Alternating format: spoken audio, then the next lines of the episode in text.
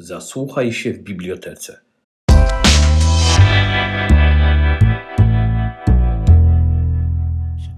Drodzy Państwo, bardzo, bardzo serdecznie witam na kolejnym e, odcinku cyklu Czarne Fakty. To cykl dofinansowany ze środków miasta Sopotu, na który zapraszamy e, reporterów wydających e, w wydawnictwie Czarne. I od bardzo dawna chciałam zaprosić na to spotkanie Katarzynę Surmiak-Domańską. Dzisiaj się udało. Już przy okazji poprzednich książek, między innymi Ku Klux Klanu, ale spotykamy się z okazji książki, która dla mnie jest szczególnie ważna, bo traktuję ją trochę osobiście, bo jak czytałam e, czystkę, o tej książce będziemy dzisiaj rozmawiać, to cały czas taką miałam myśl, matko, to zupełnie jak w mojej rodzinie.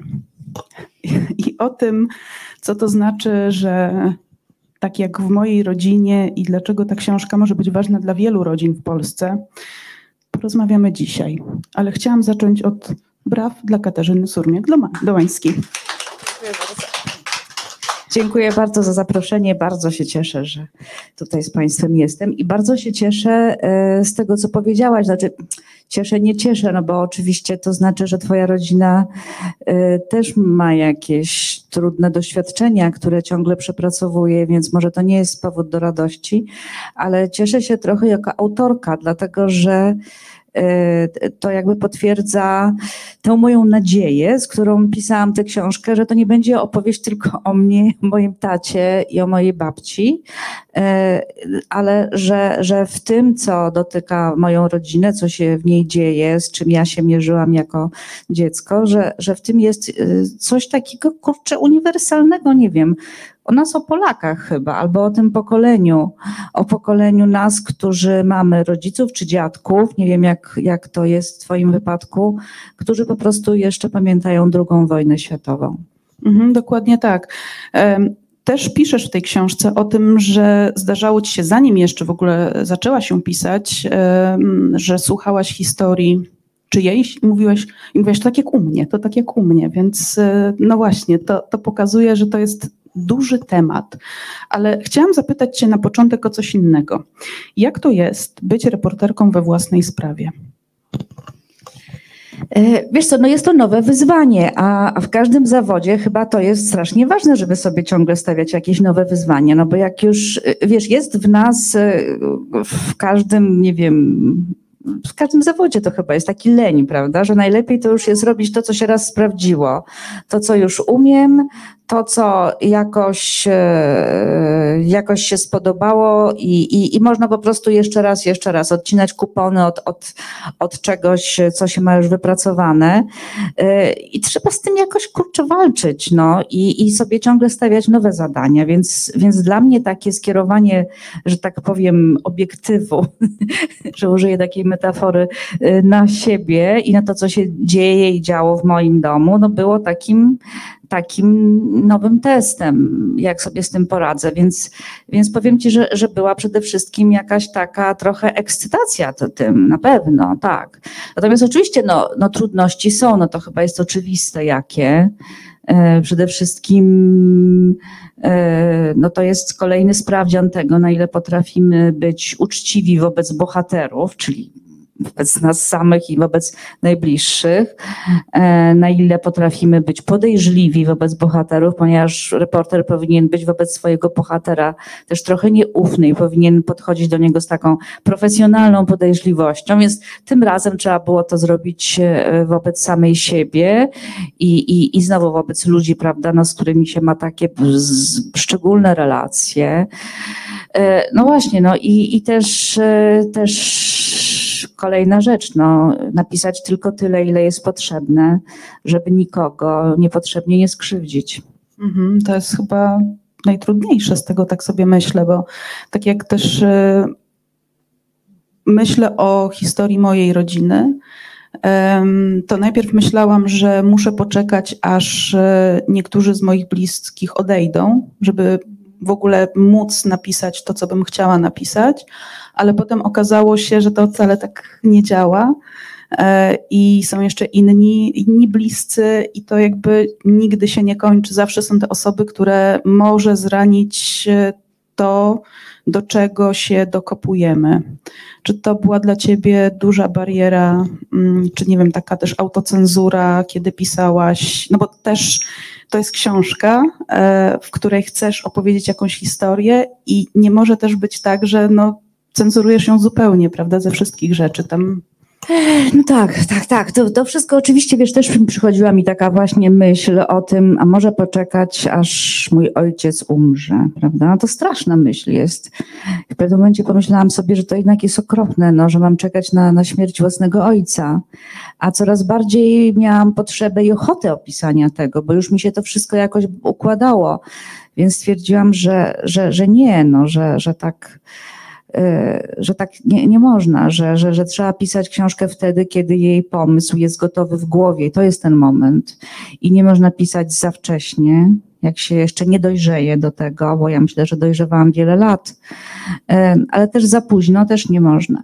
Poza tym jest jeszcze jeden element. Y, ja pewnie miałam jakąś nadzieję, że ta książka coś w mojej rodzinie uruchomi że może ona jednak, e, tak, ja ją pisałam również dla nas, dla nas, dla, dla, dla no właśnie, dla, dla członków mojej rodziny, dla ojca, dla cioci, dla kuzynów.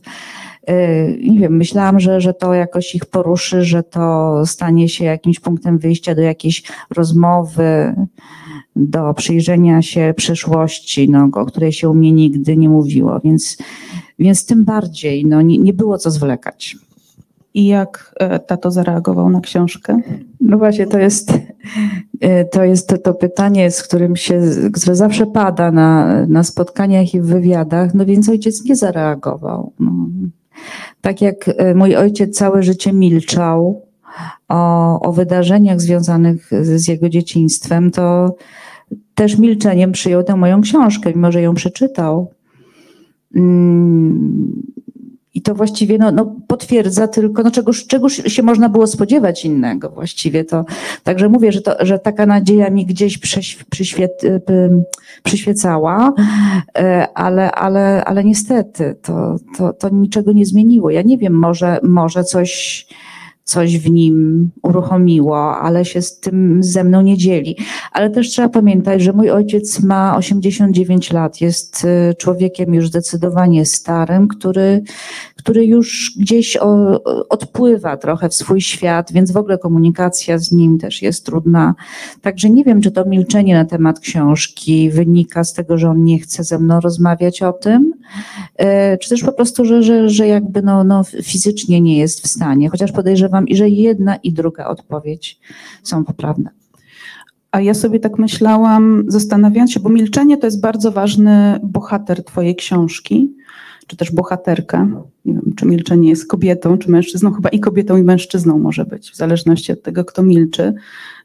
Co właściwie kryje się w tym milczeniu, bo tak sobie myślę, moja babcia była też z tych e, milczących.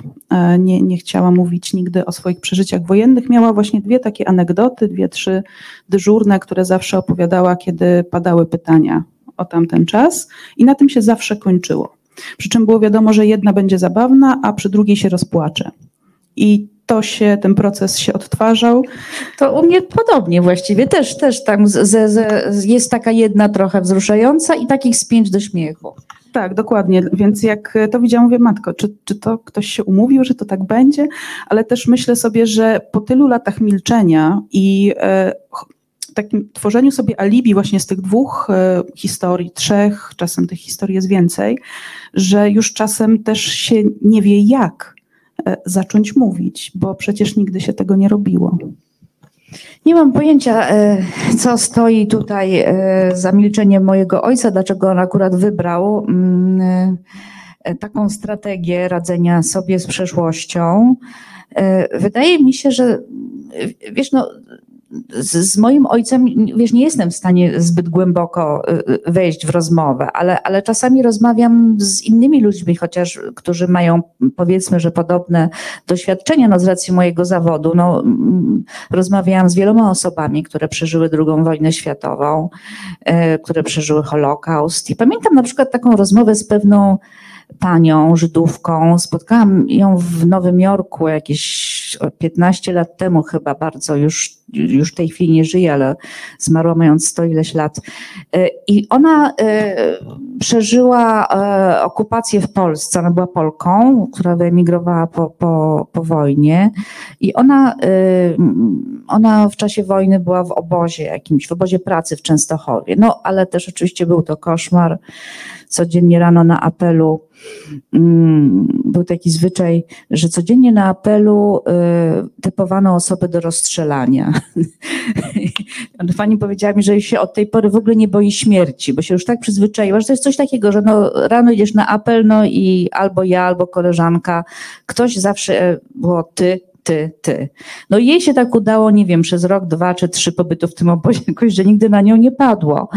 E, ale mówię o tym, żeby, żeby pokazać, no, jak traumatyczne było to doświadczenie. I ona mi mówi, wie pani, jak ja tutaj w Nowym Jorku opowiadam ludziom o tym, e, czym była wojna w Polsce, to ja zawsze mam takie dyżurne anegdotki do śmiechu. I, I mam, tak, mam taką anegdotkę o tym, jak kiedyś tam, nie wiem, ktoś e, zawaliło się pod nim łóżko, nie wiem, ktoś gdzieś wpadł w kałużę, coś śmiesznego się wydarzyło. I mam kilka takich i ja ciągle je opowiadam. I ja mam takie wrażenie, że ci ludzie słuchają tego, oni się wiecznie śmieją, E, ja potem tak się przyłapuję na tym, że ja opowiadam o tym Holokauście, tak jakby to był jakiś nieustający bal po prostu, jakaś farsa, komedia. I, I nie potrafię opowiadać o niczym innym. Ja muszę tylko to, ja po prostu mam sobie taką blokadę, że trzeba mówić wyłącznie e, o tych gagach, o, tych, o, o tym, co było śmieszne, takie, takie do śmiechu, że ja muszę ludzi rozbawić. E, no i nie wiem, jakoś pamiętam te rozmowy z nią, bo mnie się wydaje, że ten mój ojciec właśnie podobny sposób kombinował, no, że, że te wszystkie opowieści jego są takie, takie, żeby broń Boże nie dotknąć bolesnej struny. Także to pewnie jest jakiś mechanizm, który jest, jest dość powszechny. E, myślę też, że mój ojciec wyobraził sobie, pewnie wielu osób wyobrażało sobie, że jak się o czymś nie mówi, to tego nie ma, prawda? To, to, to jest też jakiś sposób oczywiście chybiony, y, naradzenie sobie y, z traumami, ale tak jak ja, ja pamiętam, jak jako dziecko byłam też tak wychowywana, że jak coś mnie spotkało przykrego, to, to ojciec i mama mówi, zapomnij o tym, nie myśl o tym w ogóle, pomyśl o czymś miłym. I to był chyba taki domowy sposób na radzenie sobie z traumami w czasach, e, no, kiedy nie było psychoterapii, kiedy nie było psychologii, kiedy się wręcz lekceważyło tego typu jakieś fanaberie. Mój ojciec oczywiście e, zawsze gardził psychologią.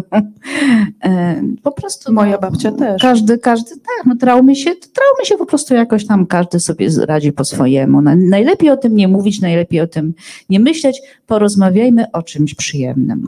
Dokładnie tak wyglądały też rozmowy w moim domu z moją babcią. A co ty tam dopytujesz? To są smutne sprawy. E, a zobacz, tu w telewizji jest coś, e, coś fajnego.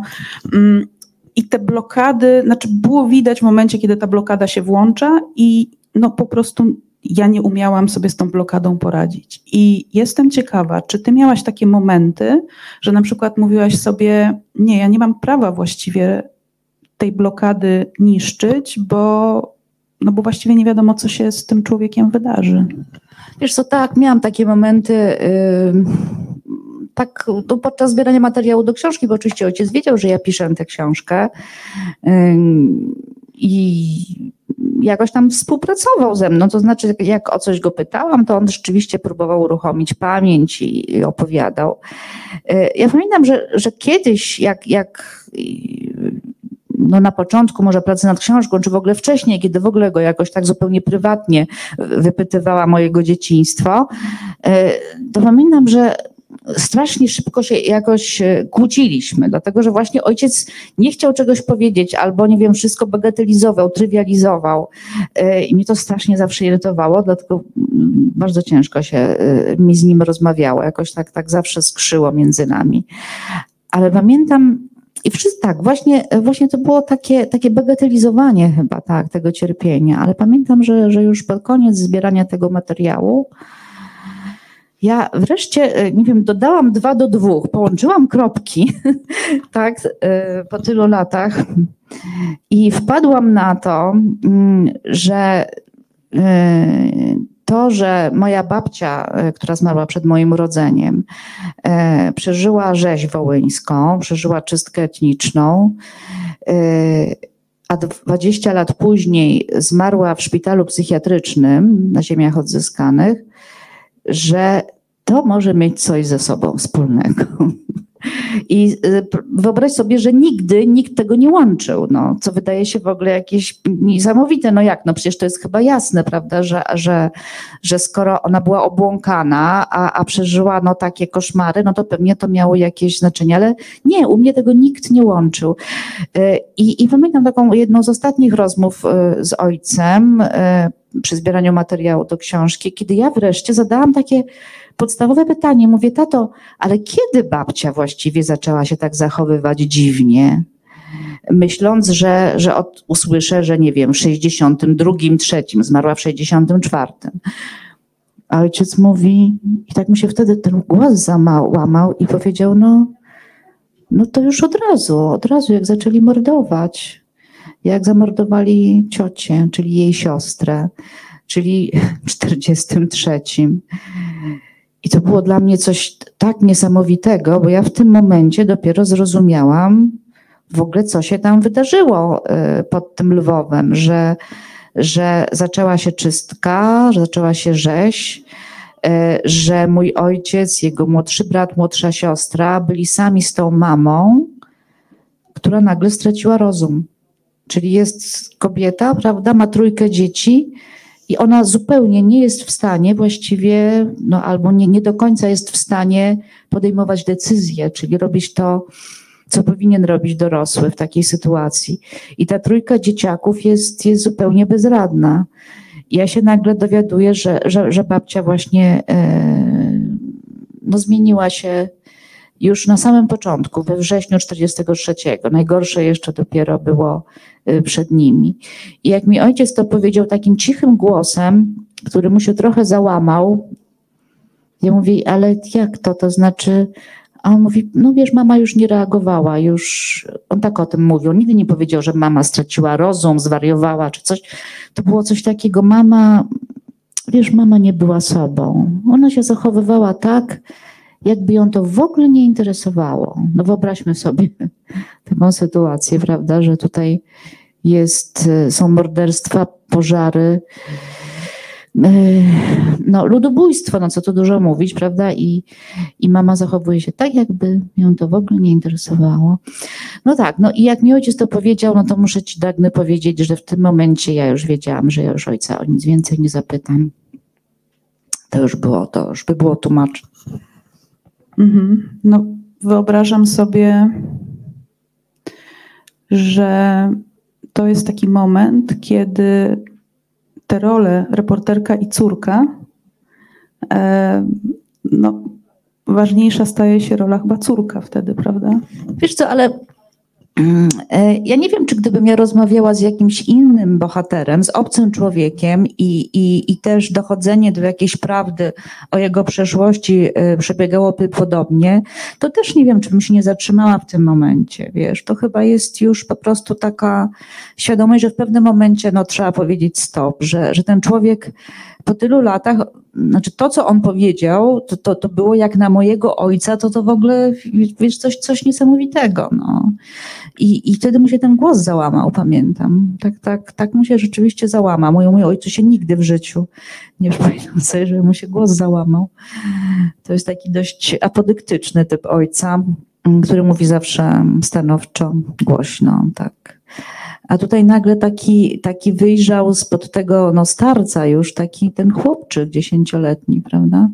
Który się, który się strasznie boi, który jest zupełnie bezradny. On, on mi tak wyjrzał jakby nagle spod twarzy mojego ojca i mm, no i tak, no dla mnie to, to, to, to też była mocna chwila. Mhm. Z drugiej strony mogłaś podejść bardzo blisko czegoś prawdziwego. Chyba tego też szukałaś, pisząc e, książkę. Wiesz co, no oczywiście, że tak. No, yy, wiesz, w, w, tym momencie yy, ja sobie zdałam spraw. Znaczy wiesz, wszystko nagle jakby nabrało innych kształtów, wiesz.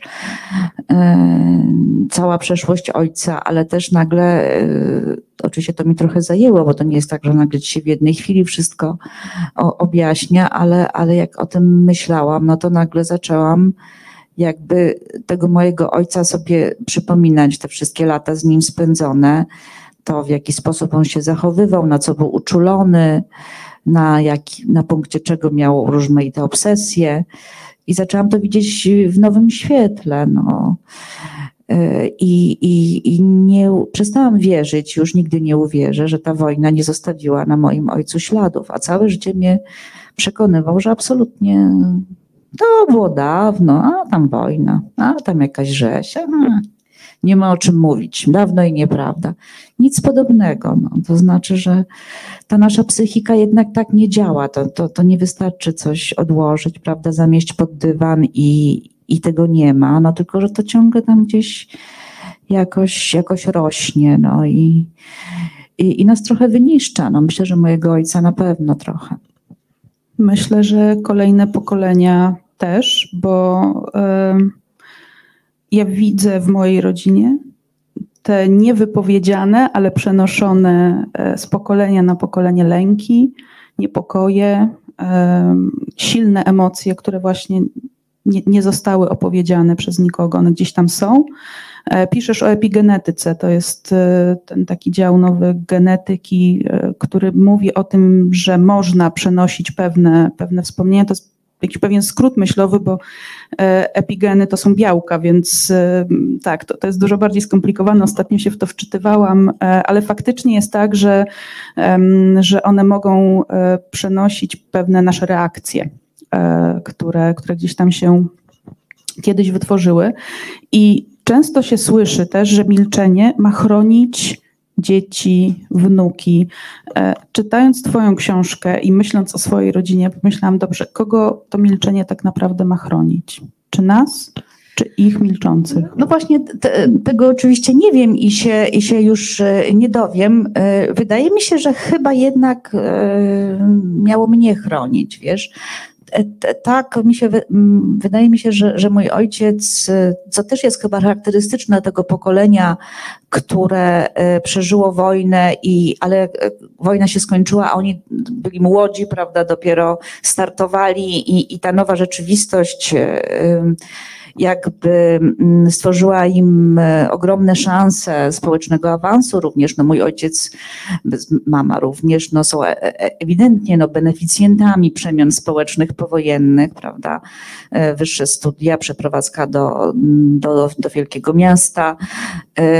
I, I myślę, że oni też ze mną łączyli takie nadzieje, że, że to nowe dziecko, prawda, ich córka, to, to, to już będzie żyła w innym świecie. Ona już nigdy nie będzie, nie przeżyje tego, co my, tej biedy, tej nędzy, tego strachu, wojny.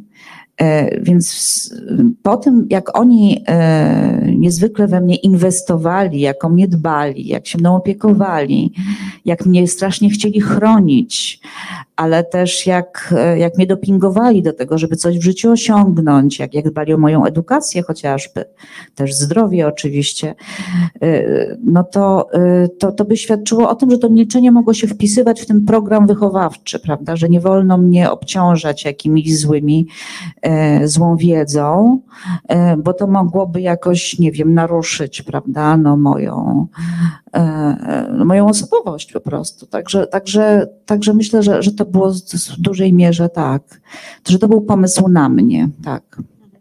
No to milczenie też miało często, bo wprowadzasz, piszesz o czymś takim, że istnieje w naszym społeczeństwie taki trochę ranking traum, że są te traumy lepsze, gorsze, większe, mniejsze, e, ale tak zupełnie poważnie mówiąc, są też traumy, o których można było mówić, bo to było politycznie, było polityczne przyzwolenie na to, żeby o tych traumach e, opowiadać, a były takie traumy, o których, e, mówienie o których było też niebezpieczne, bo po prostu cenzura na to nie pozwalała. Więc to też e, myślę, że z jednej traumy weszli w system, który niespecjalnie e, wspierał ludzi, którzy chcieli głośno mówić o tym, co przeżyli e, na Wołyniu na przykład. No właśnie też tak myślę o tym. Ja jakoś nigdy tego nie brałam pod uwagę wcześniej, bo w moim domu się jakoś tak zawsze mówiło otwartym tekstem o, o, o tym, że ustrój socjalistyczny i PZPR, prawda, nie są ok. Jakoś nie, nie, nie miałam takiego poczucia, że, że, że nie wiem, jest, są jakieś tematy tabu politycznie, raczej się o tej polityce mówiło wprost. E, no ale faktycznie jest coś takiego, że jeżeli e, o jakichś wydarzeniach historycznych e, nie mówi się publicznie, no to też za bardzo nie ma jak sensu może pielęgnować te, tego w domu, prawda? No ta rzeź wołyńska była takim tematem niewygodnym, zresztą tak jak mnóstwo innych wojennych traum. No właściwie po II wojnie światowej w Polsce, no to takim tematem bezpiecznym, takim powiedzmy wentylem wręcz bezpieczeństwa było mówienie o krzywdach wyrządzonych przez hitlerowców etnicznym Polakom. A przecież było mnóstwo innych, no nie wiem, Katyń weźmy pierwszy z brzegu, no wszystko, co wyrządziła Armia Czerwona, prawda, wywózki na, na Sybir, e, no i również oczywiście to, to, to ludobójstwo, które miało miejsce w Ukrainie, no to przecież też jest, e, też jest rozdział II wojny światowej i, i, i tego, czego doświadczyli Polacy, no, cały Holokaust, pogromy żydowskie, no przecież to były wszystko jakieś tematy tabu w różnych latach bardziej, a, a z tą rzezią wołyńską było tak, że ona nigdy właściwie nikomu za bardzo nie pasowała, żeby o tym mówić, bo no w czasach komunizmu no to niebezpiecznie zahaczała o temat kresów. No ale dzisiaj też to nie jest dla mnie. Na przykład ja, ja sama czuję opór przed, przed jakimś specjalnym e, rozgadywaniem się na temat tego, co się działo wówczas w Ukrainie, no bo to gdzieś potrącamy jakąś e, e znowu strunę polskiego męczeństwa. E, to nie jest struna, która, którą ja bym chciała, wiesz, potrącać. E, i zupełnie nie o to mi chodzi w tej, w tej opowieści, a już na pewno nie o, wiesz, podsycanie jakichś nastrojów antyukraińskich, to już w ogóle ostatnia rzecz.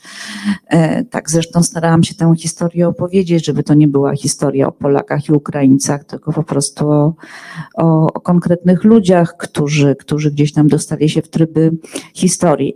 No ale rzeczywiście tak, myślę, że, że, że e, myślę, że, że gdyby rzeź wołyńska była jakimś takim nie wiem, e, e, wydarzeniem historycznym, e, o którym by się mówiło w telewizji, w mediach, prawda, no to i w szkołach, no to może by i ojciec coś tam, może by na przykład, no może by ojca na przykład zaprosili na jakąś pogadankę do szkoły, może by zrobili z nim wywiad i wtedy by miał okazję o tym mówić i by się przekonał, że to mówienie to nic złego, że, że może miałby w tym, może by uznał, że to jest dla niego dobre, prawda, że skoro to ludzi interesuje, to, to tak. I wtedy, I wtedy nie byłoby tego tabu. Tak myślę, bo ja pamiętam, jak ja sama chodziłam do szkoły w latach 70., do szkoły podstawowej, bo to przecież przychodzili do nas do szkoły ludzie, którzy przeżyli wojnę i ciągle opowiadali o swoich doświadczeniach.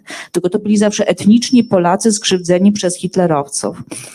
I pamiętam, że ci ludzie mieli potrzebę mówienia o tym. My, dzieciaki, to w ogóle nie chcieliśmy tego słuchać, bo to było nudne strasznie. Jezu, ile można?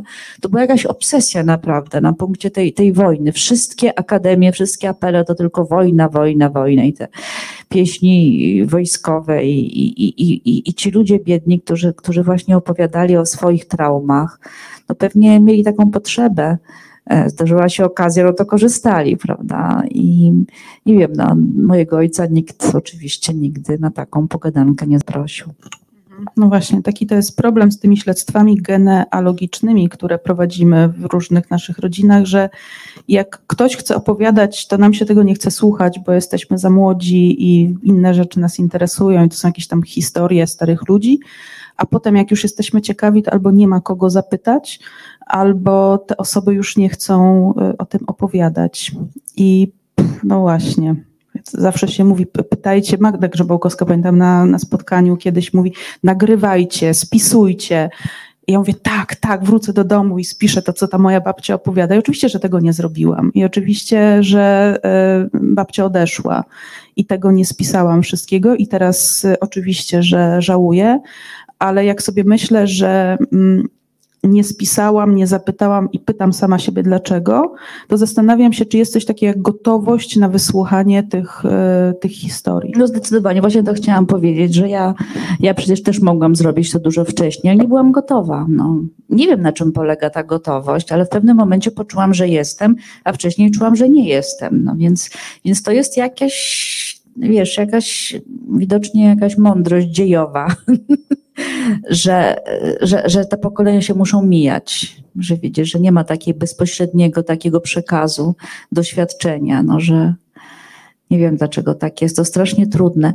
E, zastanawiam się, czy tak jest z kolejnymi pokoleniami i mi się wydaje, że już chyba nie. No, ja chyba mojej córce opowiedziałam większość traumatycznych rzeczy ze swojego dotychczasowego życia, także może już, już te... Tak, te, te, te, te, nie wiem, szczeliny między pokoleniami są już, już mniejsze, węższe, ale przed tym pokoleniem wojennym a, nami, między pokoleniem wojennym właśnie a, a, a nami, to jest, to jest straszna przepaść. To często to dopiero trzeba mieć właśnie dziecko, żeby porównać, prawda, jak, jak ja ze swoją córką jestem blisko, jak my mamy podobne zainteresowania, słuchamy tej samej muzyki, mamy podobny język. Znaczy nie chcę powiedzieć, że nie ma różnic, oczywiście, że jest, że są, e, ale to jest nic poza porównaniu z tą przepaścią, jaka dzieli mnie, urodzoną pod koniec lat 60. i mojego ojca, no, który urodził się w roku 33. To, to, jest, to jest absolutna przepaść, to jest epokowa przepaść. A twoja córka czytała czystkę? Tak, czytała. I co powiedziała? Nie, bardzo, bardzo, bardzo mi się podobała. tak, nie, Julka nie ma, nie ma z tym problemu. E, bardzo mi kibicuje i tak, no nie, wiesz, no dużo więcej na ten temat nie powiem, bo to nie jest też tak, że siedzimy i, i jakoś specjalnie to roztrząsamy, ale przeczytała. E, jest bardzo, jest bardzo na takt interesuje ją to, tak, to ją wszystko interesuje. No zresztą ona mi trochę pomagała przy pisaniu tej książki, bo była takim trochę pośrednikiem pomiędzy mną a ojcem, zwłaszcza na początku. E, ona ma z, z moim ojcem dużo lepszy kontakt niż ja, ale to też chyba nie jest jakiś wyjątek. Tak. Właściwie wszyscy z mojej rodziny tę książkę dobrze przyjęli. Poza ojcem, który nie wiem jak przyjął, ponieważ się nie wypowiada. Ale, ale i ciocia Jadzia, czyli jego siostra, która tutaj e, też, też jest ważną postacią i, i, i reszta rodziny e, bardzo, bardzo życzliwie. Tak, także to, Także no właśnie, widzisz, także jednak się trochę opłacało nie czekać może zbyt dużo. Dla wielu y, członków mojej rodziny ta książka jest ważna, no bo ja jednak spisałam jakieś też przy okazji tego wszystkiego, co tam w niej chcę powiedzieć, to, to jednak spisałam jakieś, jakieś rodzinne losy i, i to dla wielu ludzi okazuje się jest cenne. No. Mhm, no tak, powstaje coś w rodzaju kroniki, jest piękne drzewo genealogiczne dwóch, dwóch rodzin. Mm, strasznie Ci zazdrościłam tych listów, które się odnalazły i dzięki którym mogłaś trochę spojrzeć na życie i swojej babci, e, i jej siostry, e, i tego, jak, jak żyły. To skarb absolutny, to co dostałaś. Tak, no rzeczywiście te, te, te listy są, są dla mnie bardzo cenne, bo one są pisane przez tą moją babcię, no, którą, której nie znałam. E, o której tak strasznie mało wiem. No a listy pisane w, latach 30. jeszcze, 30., 40., 50., tak. No od nich się właściwie zaczęło, bo może e, gdyby nie one, to ja bym miała, to bym mm, może nie zaryzykowała pracy nad tą książką, dlatego że miałam tak strasznie mało materiału z racji tego, że ojciec o niczym nie chciał mówić. Trochę ciocia Jadzia mi opowiadała, no ale ciocia Jadzia ma też 80 parę lat, była wówczas tam, nie wiem, pięciolatką, ale dużo pamięta, owszem. E, no ale to wszystko jakieś takie było wątłe i dopiero kiedy się odnalazły te listy, e, które przez lata 30, 40 i 50 moja babcia właśnie pisała z Ukrainy, a później no z Ukrainy, no z Polski, e, a potem z ziem odzyskanych do swojej siostry przebywającej mm, przez wszystkie te lata w Paryżu. Jej siostra Jadwiga pracowała jako służąca w Paryżu i, i, ciągle tam przysyłała pieniądze naszej rodzinie, dzięki niej właściwie przetrwaliśmy. No w każdym razie w tych, w tych, w tych listach no jest, jest bardzo dużo. No jest najpierw strach przed wojną, jest list, w którym ona informuje siostrę o tym, że trzecia z ich sióstr, e, która mieszkała mm, razem z nami, została właśnie zamordowana przez banderowców. E, także no właściwie w tych listach wszystko jest. No, potem o, o, o tym, jak wyjeżdża, e, o tym, jak dociera do, do Prudnika, jak próbuje układać sobie e, życie w tej, w tej nowej Polsce na ziemiach odzyskanych. Coś niezwykle cennego. Mój ojciec te listy ukrywał, jak się okazało. To, że w ogóle one istnieją, dowiedziałam się od jego siostry, cioci Jadzi, no i, i byłam absolutnie, ona mówi, słuchaj, no ale to dlaczego ty po prostu nie poprosisz ojca, żeby ci dał tę listę naszej mamy? No przecież tam masz wszystko. Jak chcesz pisać książkę, no to będziesz miał, przecież to jest kupa listów. Wszystko tam masz. Ja mówię, nie no, ciocia żartuje, chyba jakieś listy są, nic ojciec nie mówił. No jak? Przecież sama mu dawałam te listy, bo te, te listy no przechowywała właśnie ta ciocia z Francji po jej śmierci. One trafiły w nasze ręce, no i siostra mojego ojca twierdzi, że oddała mojemu ojcu, swojemu starszemu bratu, żeby był u niego. No i się okazało, że mój ojciec w ogóle nie chce się przyznać, że ma te listy. I, I go tam z ciocią Jadzią atakowałyśmy kilkakrotnie, aż w końcu się zdenerwował i wyciągnął je z szuflady, rzucił na stół i powiedział: Proszę, masz. Ale pamiętaj, że mnie to nic, a nic nie interesuje. Niezwykłe, prawda? I to z takim, mnie to nic, a nic nie interesuje. Z takim mocnym akcentem. E, tak, wyrzucił listy pisane przez swoją matkę, no, których nawet nie przeczytał, bo one widać było, że te przez 30 lat, jak leżały w tej szufladzie, to, to nawet nie zostały wyjęte z kopert. E, no to też o czym świadczy. No właśnie może wtedy tak pomyślałam, że, że to też jest temat. No, dlaczego on y, no, jakoś taki ma stosunek do tych listów no, pisanych przez swoją mamę? Przecież to, jego, przecież to pamiątka. A przecież wiem, że, że, że jego matka, żeby rozwiać ewentualne jakieś wątpliwości, była, była wspaniałą mamą, kochającą, więc to na pewno nie chodziło o to, że ma wobec niej jakieś, jakieś tam przykre wspomnienia z nią związane, wręcz przeciwnie. E, była bardzo dobrym człowiekiem, no na tyle, na ile jej e, władze umysłowe pozwalały, opiekowała się swoimi dziećmi. No w końcu to nie jest też, umówmy się, no przeżyć, żyć. Ona była sama, sama z trójką rzezi, dzieci i jednak tę czystkę przeżyła, jednak te wszystkie dzieci ocaliła, prawda, i wyjechała z nimi na te ziemi odzyskane, uratowała je. Wszystkie dzieci skończyły studia, mówimy o kobiecie, która była obłąkana i była samotna. E, także to też jest coś, prawda? E, a ojciec się w ogóle, zobaczyłam, że on ma w ogóle problem nie tylko z mówieniem mi o, o babci, ale że on ma problem w ogóle ze, ze swoim kontaktem, ze wspomnieniami. I pamiętam to zdanie, no, mnie to nic, a nic nie interesuje. O, i tak. No więc wtedy pomyślałam sobie, że ho, ho trzeba, trzeba zobaczyć, co się Radar za tym kryje. reporterki się włączył. E, a miałaś takie poczucie, wchodząc w te listy, tam jest też bardzo ciekawa ortografia tych listów. E, to, to wszystko tworzy te osoby, e, które je pisały. Chciałam powiedzieć przez chwilę postaci, tak jakoś mi się pomyślało, ale te, te osoby, miałaś takie poczucie odzyskiwania tych bliskich, o których się nie mówiło mm, właśnie dzięki temu, że no, dostałaś taki namacalny ślad, ślad po nich i mogłaś sobie przynajmniej zacząć ich wyobrażać, jakie były, co czuły, co myślały. No oczywiście, że tak. No, mm, tam, jest, tam jest dużo bardzo emocji. Moja babcia, Franciszka, pisała dużo o swoich emocjach, o, o lęku, o tym, że się martwi, o tym, że tęskni, tęskniła do tej swojej siostry w Paryżu, ciągle ją w tych listach prosiła, żeby ta przyjechała do niej. Moja babcia była taką osobą, mm, która potrzebowała takiej silniejszej osobowości przy sobie. Ta trzecia siostra, Rosalia, zamordowana przez banderowców, ona była też taką silną osobowością i, i kiedy ona zginęła na samym początku czystek, e, no to właśnie wtedy moja mm, babcia się rozsypała, bo nie miała tej, tego, tej, tej, tej takiej silnej figury starszej siostry przy sobie. No więc jakby czerpała energię z tej, która pracowała we Francji, to widać e, w tych listach. E, natomiast jeśli chodzi o ortografię, no ortografia jest szczególna.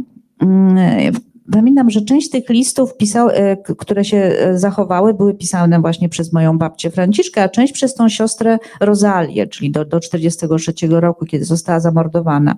I coś bardzo znaczy zabawne jest to na przykład, że moja babcia, albo na odwrót to było, a nie pamiętam, że ciocia Ruzia, ciocia Rozalia na przykład używała wyłącznie ukreskowanego, a moja e, babcia wyłącznie otwartego. I to było śmieszne. Na przykład Józek, ich brat, prawda, jest no, albo ukreskowane, albo otwarte. Nie wiem, ciocia Ruzia na przykład Bogu potrafiła na przykład to U na końcu nawet pisać ukreskowane. Po prostu tylko takie znała, a moja e, babcia z kolei tylko U otwarte. Chyba tak było. Więc, więc dużo takich zabawnych szczegółów, bo czasami one pisały nawet na jednej kartce te listy do tej trzeciej siostry do Paryża i na jednej kartce właśnie jest cały list, gdzie właśnie wszystkie U są otwarte a, a na drugiej stronie wszystko ukreskowane. Więc to są takie zabawne szczegóły, które oczywiście gdzieś tam jakoś, jakoś też przybliżają e, te postaci. E, no te listy są tak strasznie nieortograficzne, e, a na przykład w ogóle nie używały interpunkcji. W ogóle nie ma czegoś takiego. Nie ma kropek, czy nie ma też dużych liter. Duże litery są tylko w imionach własnych, a tak to tak, taki po prostu jest ten, więc strasznie trudno to rozczytać. I ja na początku, jak e, cytowałam te listy w książce, to zrobiłam taką rzecz, że ja je przetłumaczyłam na nasz, czyli przepisałam je poprawnie, bo wydawałam wydawało mi się, że po prostu będą nieczytelne zupełnie. No i redaktor na mnie strasznie nakrzyczał. Chciał, że nie wolno czegoś takiego, że właśnie mam je w oryginalnej formie pokazać, więc, no więc jeszcze raz musiałam przepisywać. E, tym razem rzeczywiście zachowując wszystkie te, te, te, te błędy gramatyczne. Oczywiście to nie, te listy nie są cytowane w jakichś tam całościach, ale, ale, ale po prostu kilka jakichś y, zdań. Są rzeczywiście trudno czytelne. Ale co to znaczy? No bo z jednej strony no, czyta się to i myślisz, ojejku, jaki wstyd, Boże, kochany, moja babcia tak fatalnie pisała.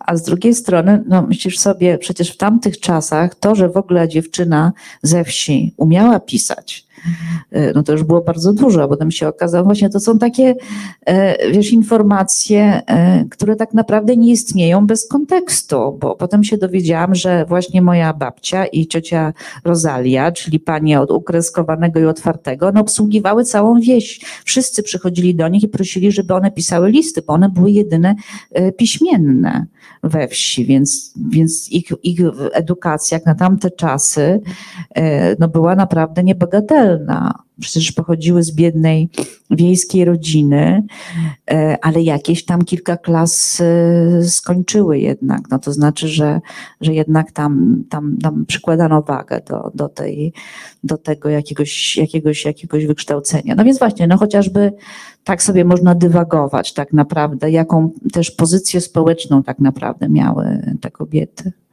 No właśnie, bo mówimy o trzech silnych kobietach, w różny sposób silnych e, i ktoś, kto nie czytał książki, może zapytać, no dobra, a gdzie są mężczyźni? No, na robotach. No właśnie, gdzie są mężczyźni? To się zastanawiam. E, No, jeżeli chodzi o mojego dziadka, no bo to oczywiście przede wszystkim o nim należałoby parę słów, czyli mąż mojej babci. On został wywieziony na roboty, tak, no to może to na, na tym skończmy.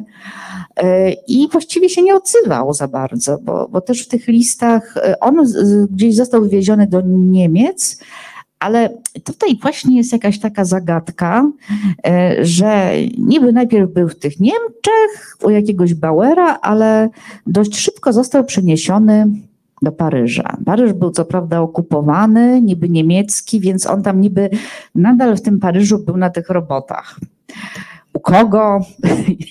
Podobno y, był wspaniale traktowany y, i w ogóle trafił do jakiejś, nie wiem do kogo, do rodziny, do jednej osoby. Kto to w ogóle był? Czy to byli Francuzi? Chyba Francuzi jacyś. Więc nie wiem, jak można od, z robót y, nagle trafić właśnie no, w takie warunki. Nie wiem zupełnie, kim była ta osoba czy osoby które, które się, y, u których mój dziadek, nie wiem, mieszkał, pracował, ale podobno go traktowano jak swojego. No w każdym razie nauczył się francuskiego i, no i w ogóle po wojnie wrócił zadowolony, e, że tak powiem, dobrze wyglądający. E, to jest taka tajemnica, co się z tym dziadkiem mm, stało. Dziadek nie był dobrym ojcem, nie był dobrym mężem, nie interesował się rodziną, e, był przemocowcem, był, był intruzem. Tak, można powiedzieć, że był intruzem w tej, w tej rodzinie. No.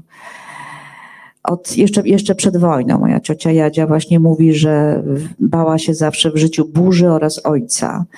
I, i, i wszyscy się bardzo cieszyli, jak, jak dziadka na, czy tam ojca właśnie wywieziono na te roboty.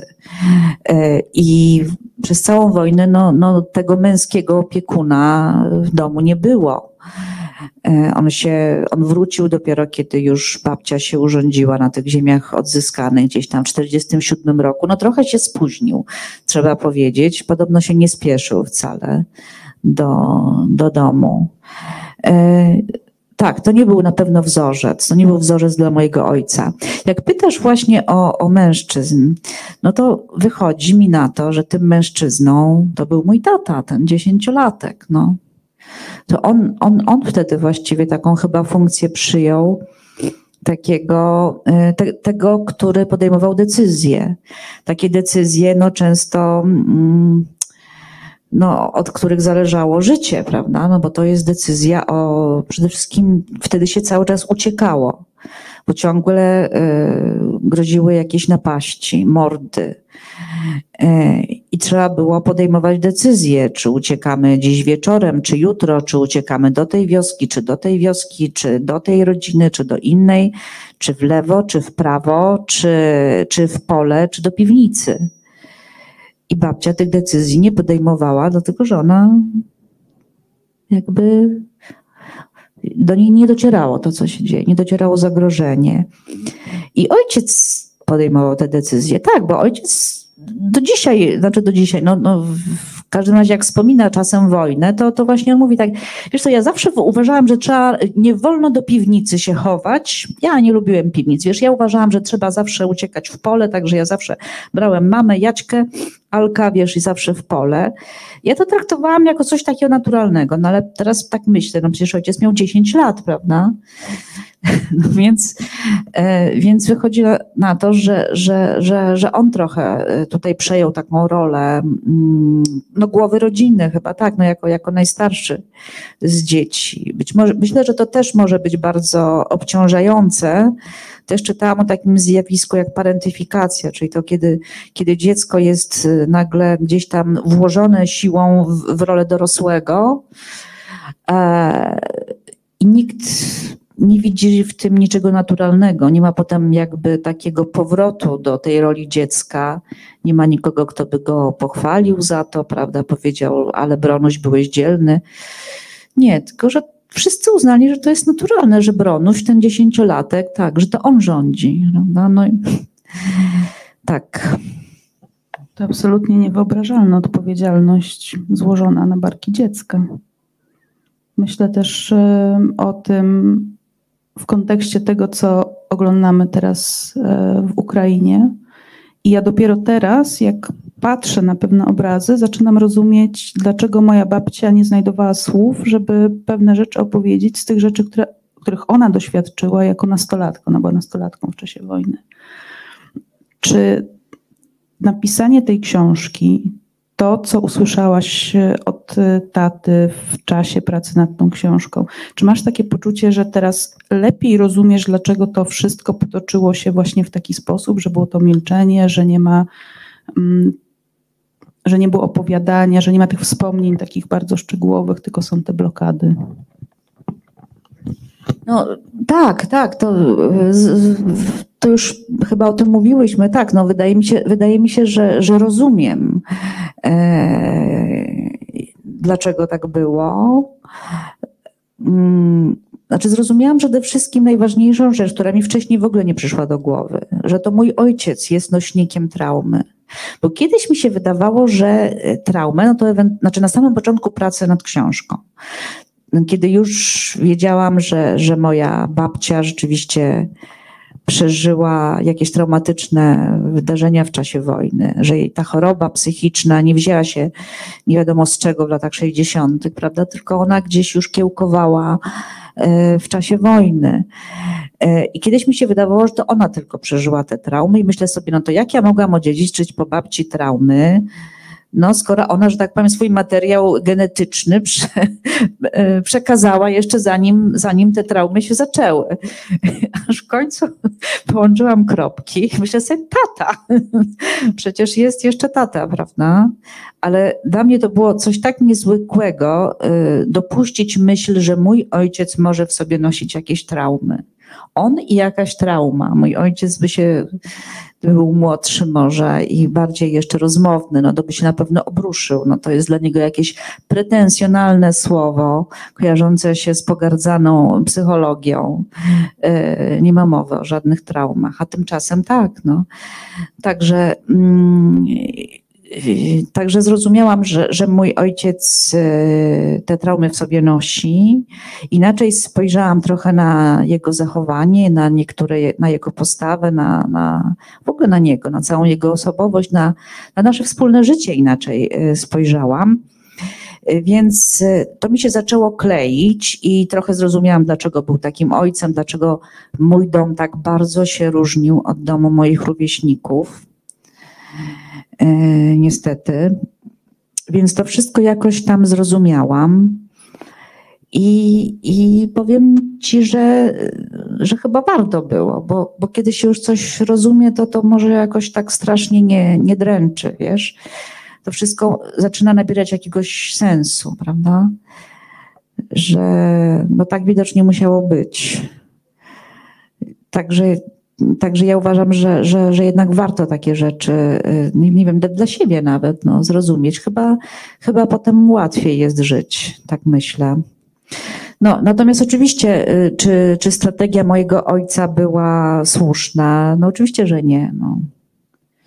Oczywiście, że nie, bo y, ja myślę, że po traumie to się przez jakiś czas gdzieś tam jeszcze funkcjonuje na takiej adrenalinie, to tak często jest, prawda? Kiedy, kiedy przeżywamy jakąś tragedię, to zwykle psychika gdzieś, gdzieś na, w nas pompuje adrenalinę po to, żebyśmy mogli przetrwać. I ta adrenalina w nas ciągle jeszcze długo zostaje i wydaje nam się, że jesteśmy tak silni. Myślę, że ojciec dość długo miał takie poczucie takiej siły, że on, a potem nagle to oklapło. Mm, no i wtedy, i wtedy jest taki zjazd tak, no i tak, tak właśnie niestety się, się dzieje, kiedy się po prostu tych doświadczeń jakoś, jakoś nie przepracuje. No.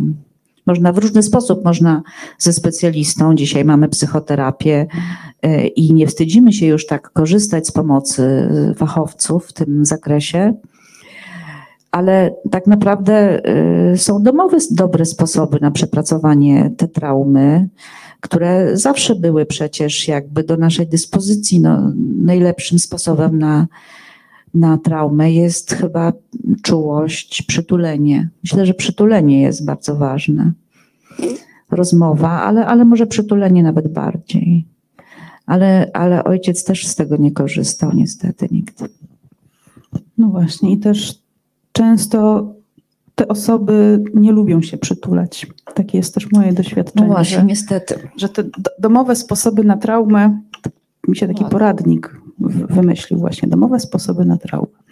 E, tak, że to, że to wszystko jest bardzo dobre, ale chyba już dla nas, dla naszego pokolenia, które jest wyedukowane bardziej psychologicznie i rozumie lepiej też te mechanizmy, które się dzieją. Natomiast też e, czytając Twoją książkę, zastanawiałam się, no bo jest taka myśl, no dobrze, my z tymi traumami idziemy dalej e, i my dla siebie możemy coś już zrobić, to znaczy na przykład pójść do psychologa, przepracować, porozmawiać, przytulać się. E, mamy jakąś świadomość tego, co się może z nami dziać, jeżeli dalej nie będziemy o czymś rozmawiać, czy dusić w sobie jakieś emocje, ale też no, traum naszych bliskich z przeszłości nie jesteśmy w stanie nic z nimi zrobić. Możemy sobie co najwyżej wyobrażać i snuć wizję, jakby to było, gdyby oni mieli szansę to e, przepracować, ale to też jest takie trochę złudne, no bo nie wiadomo, jacy by byli, co by się wydarzyło.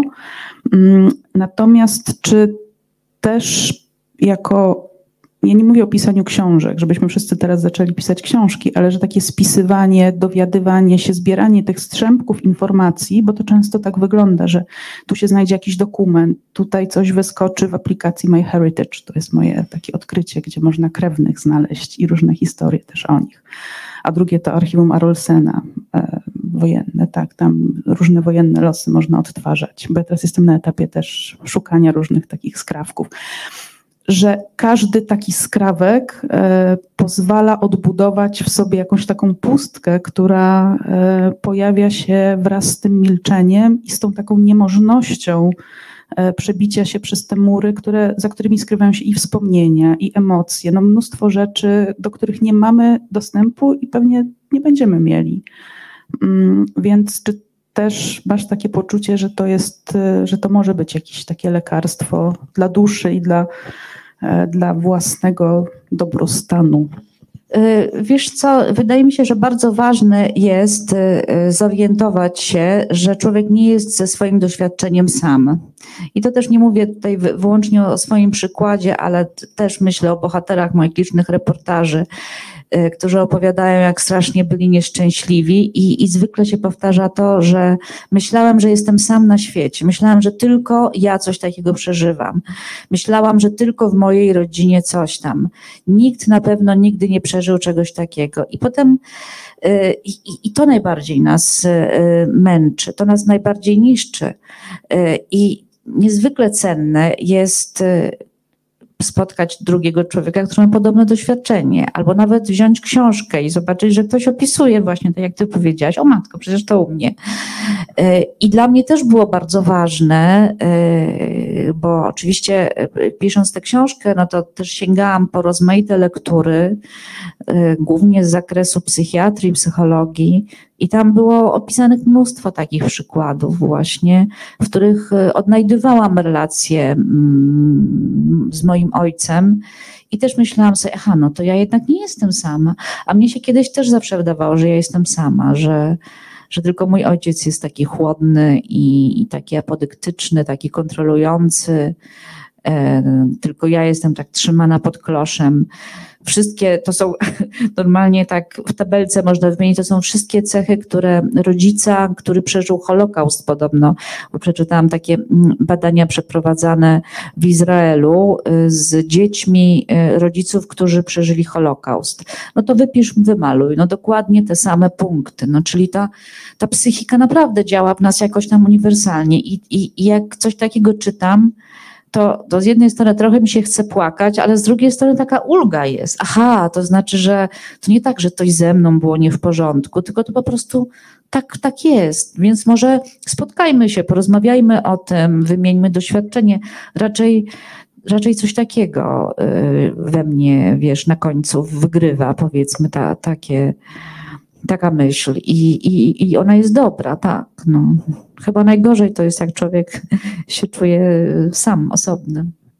No właśnie, bo z doświadczeń mojej rodziny nie byli na Ukrainie, w Ukrainie, nie przeżyli rzezi wołyńskiej. Te doświadczenia i traumy są zupełnie inne, choć też związane z wojną, e, ale procesy, które zaszły, e, są tak niesamowicie podobne. I w tym sensie myślę, że jest to bardzo uniwersalna książka, bo, bo ona dotyka czegoś, co jest wspólne dla tak wielu rodzin, chociaż te doświadczenia, jeśli chodzi o kontekst czy, czy fakty historyczne mogą się różnić, to jednak e, potem w tych domach było dosyć, dosyć podobnie i jako społeczeństwo pewnie też tak się uczyliśmy po wojnie żyć, że trzeba było odbudowywać i żyć, a nie zajmować się tym, co trudne. No tak, no polska specyfika też tutaj jest dość istotna. To też natknęłam się na takie badanie mówiące o tym, w jaki sposób sobie radzili z traumami y, powojennymi ludzie w Europie, w różnych krajach. No i okazało się, że y, procent y, osób, które przeżyły wojnę w Polsce, a którzy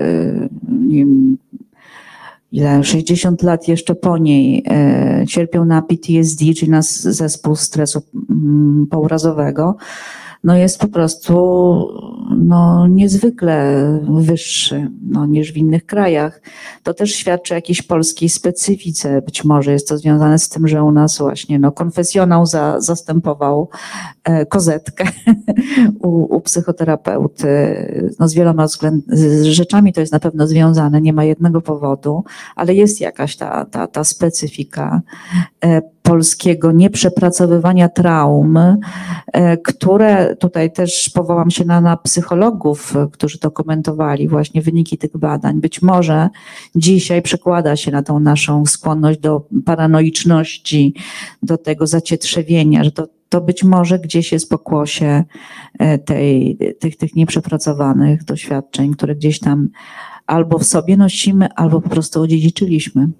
No właśnie, to jako puentę ja przeczytam jeszcze ten cytat, bo akurat go sobie zaznaczyłam na dzisiejsze spotkanie. To, są, to jest cytat badaczy traum psychologów e, profesor Mai Listurlejskiej i doktora Pawła Holasa. To jest cytat z artykułów dla Gazety Wyborczej. Oni piszą tak. Być może polską paranoiczność, powszechny brak zaufania społecznego czy przejawy mowy nienawiści można by tłumaczyć poza innymi mechanizmami również poprzez to, jak Polacy radzą sobie, a raczej nie radzą z traumą II wojny i jej skutkami przekazywanymi kolejnym pokoleniom. Więc tak czuję, że ta książka jest również takim sposobem na otwarcie być może rozmów e, w naszych rodzinach, jeżeli nie wiemy, jak to zrobić. No a przede wszystkim taką wskazówką, jak zabrać się do, do przeszłości naszych rodzin i żeby się tego nie bać. Kasiu, bardzo, bardzo Ci dziękuję. Ja dziękuję bardzo.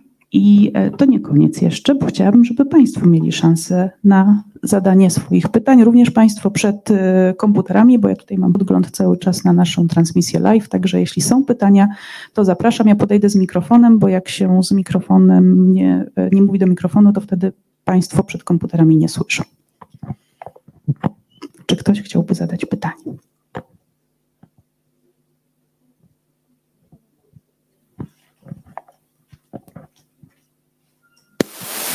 Dzień dobry. Chciałam zapytać. Halo? O, teraz dobrze.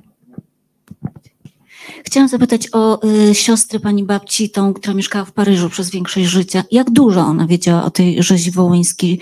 Czy po powrocie do Polski, bo siostry już nie żyły wówczas, czy ktoś z nią rozmawiał tak dogłębnie bardziej? Czy miała świadomość, co spotkało rodzinę? Tak, na pewno miała, dlatego że, że ona była cały czas w kontakcie z rodziną i listy jakby są dowodem na to, że, że miała pełno... Y, peł... Przepraszam?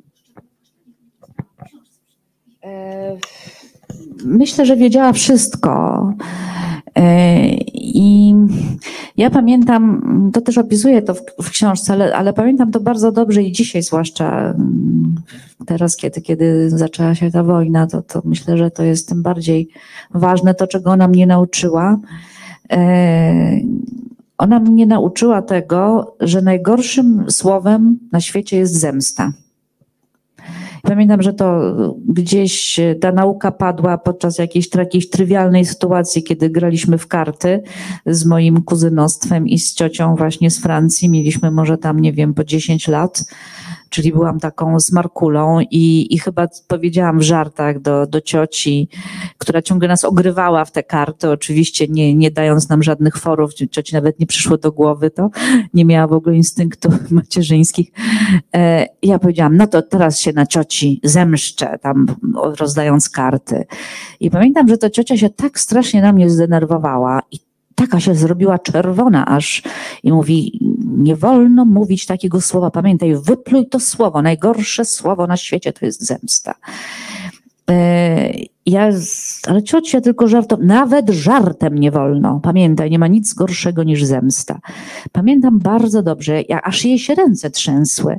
To strasznie było, mm, jak dzisiaj o tym myślę, to nie jest to takie jasne, o co chodziło, prawda? No bo ona akurat przecież nie przeżyła tej rzezi, bo ona była przez cały czas w tym Paryżu.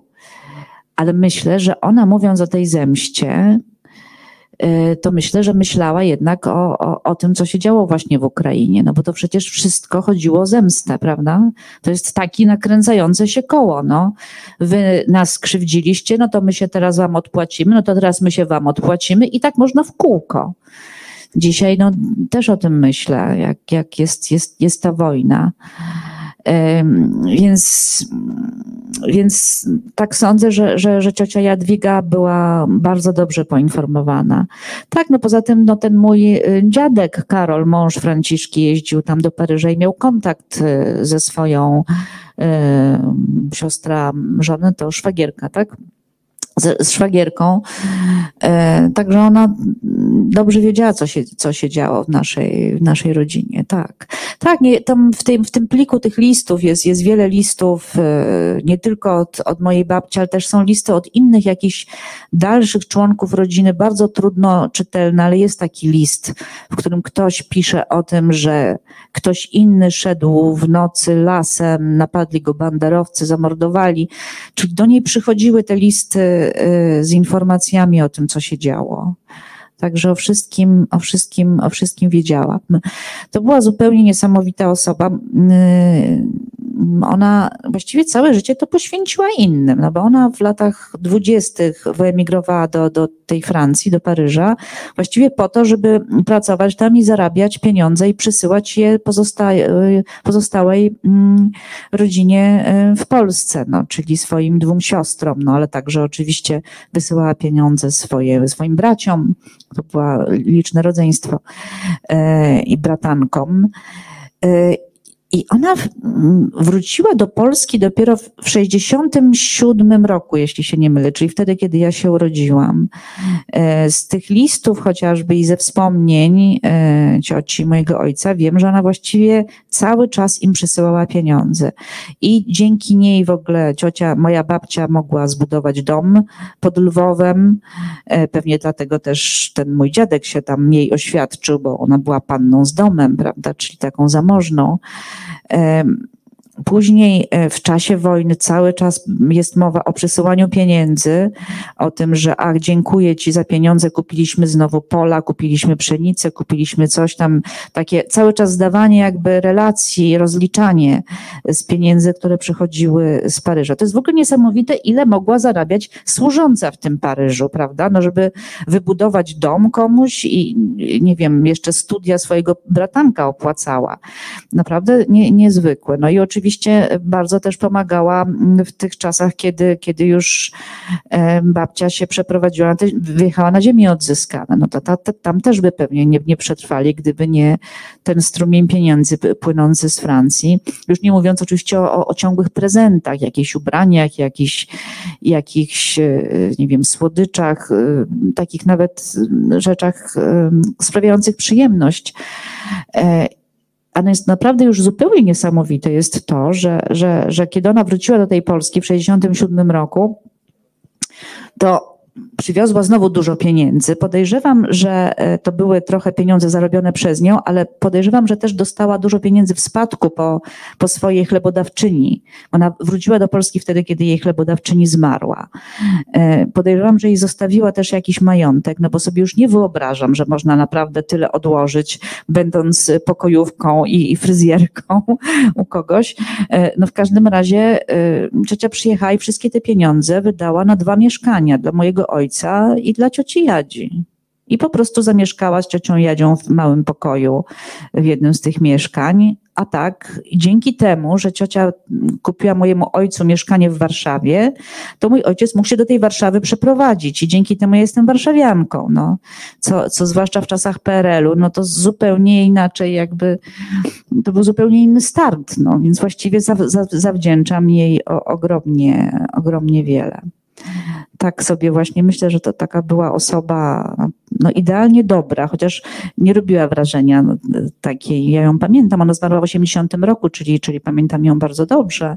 Była osobą bardzo chłodną, taką estetyczną, surową, niezbyt sympatyczną, ale właściwie nie znałam nigdy y, osobiście tak człowieka, który, który by był tak bezinteresownie dobry dla innych. Czy jeszcze mają Państwo jakieś pytania?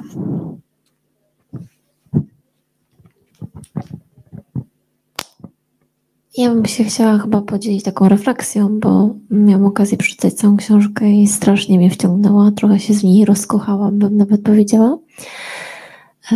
Chyba taka pierwsza refleksja to to, że pani babcia była bardzo silną osobą i myślę, że była kobietą, która po prostu udźwignęła na swoich ramionach wiele.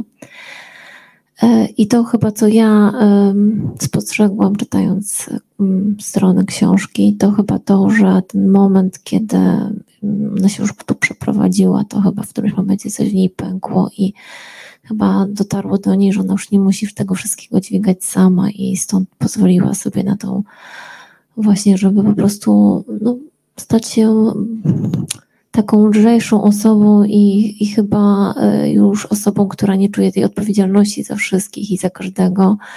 I myślę, że stąd to ten problem taki właśnie psychiczny gdzieś tam się w niej pojawił. E, mnie też bardzo zaintrygowała ta relacja związana z ciocią, wspierającą bardzo silnie finansowo, która z drugiej strony się właśnie okazuje osobą taką dosyć mocno wyemancypowaną i osobą, która wbrew pozorom też nie jest łatwa, jeżeli chodzi o charakter. Tak, ja też pamiętam taki fragment, który pani opisywała z książki w tej grze w karty. Dosyć mocno na mnie zrobiło wrażenie. E, szczerze mówiąc, zazdroszczę pani bardzo e, tej książki. Ja miałam co prawda dziadków, którzy sporo opowiadali, ale e, chyba mi nie przyszło do głowy właśnie to, o czym mówiła pani, żeby spisać pewne rzeczy. Teraz chyba już bym nie miała w sobie tej pamięci, aby odtworzyć różne rzeczy, więc y, no, gdzieś tam taka nutka zazdrości, że jednak to się Pani udało, że był ten też czas na to, żeby to zebrać.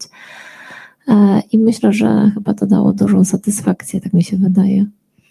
No bardzo Pani dziękuję za te słowa. Znaczy ja zawsze z ogromnym wzruszeniem słucham takich, e, takich komentarzy, bo dzięki nim e, ta moja babcia w ogóle zaczyna gdzieś żyć, prawda? Ona była zawsze niewidzialna, jej prawie w ogóle nie była. Teraz tutaj no, spotykam się z Państwem, Pani o niej mówi, Pani ma na jej temat jakieś zdanie, czyli ona zaczyna nagle istnieć, prawda? W naszej, w naszej, w naszych głowach chociażby, tak jak istnieje w mojej, więc to jest ogromnie cenne. E, nie wiem, czy można to nazwać satysfakcją. Ja bym powiedziała, że to dla mnie jakoś. Ja miałam ogromną satysfakcję, ja tą książkę zadedykowałam jej, e, tam Franciszce, Jadwidze i Rozali, trzem siostrom. Tak sobie pomyślałam, że to jest też opowieść o siostrzeństwie, prawda? Czyli o czymś, e, czego się w tamtych czasach w ogóle nie nazywało E, dzisiaj to słowo jest modne i na szczęście, znaczy modne, znaczy właściwie dopiero zaczyna, e, nie wiem, wchodzić e, w użycie, o, a, ale przecież to, co działo się między Jadwigą i Franciszką i Rozalią, to właśnie, właśnie było siostrzeństwo. I tak, to była taka satysfakcja, że, że, że mogłam coś zrobić dla nich, że, że jakoś tam ich, nie wiem, oddać hołd czy, czy coś takiego to ta, ta satysfakcja, y, a, ale dla mnie najważniejsze chyba jest to, że, że jak się tak y, jakoś z tych kawałeczków układa postać babci, to się człowiek tak jakby układał sam siebie trochę. O.